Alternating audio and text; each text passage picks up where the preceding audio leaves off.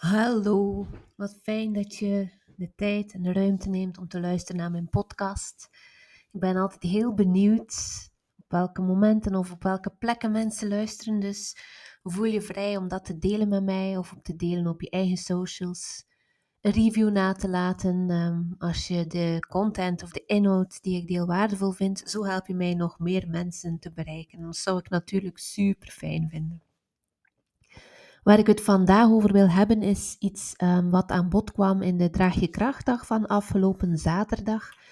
En waarvan ik voel, dit is echt wel een, uh, relevant om, om, je, om je van bewust te zijn. En het kan helpen om uh, dynamieken in relaties te begrijpen en van daaruit ook bewust, uh, er bewuster mee te kunnen omgaan en die te ver veranderen.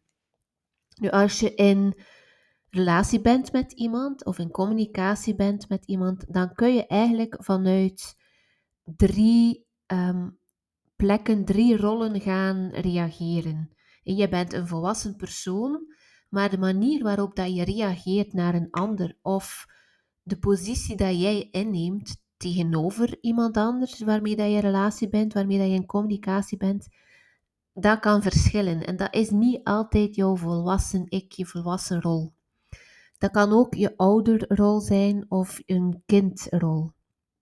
Dus binnen relaties, binnen je communicatie met anderen, gebeurt het dat zowel jezelf als de ander zich in een van die drie rollen bevindt. Dus in de ouderrol, in de volwassenenrol of in de kindrol.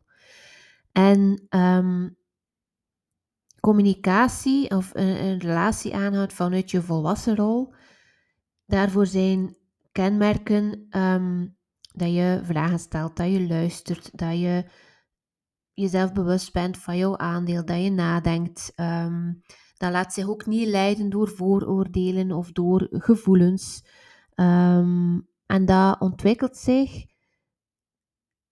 voortdurend door um, wat dat je denkt, wat dat je voelt, uh, om dat in jezelf te verwerken en te integreren, waardoor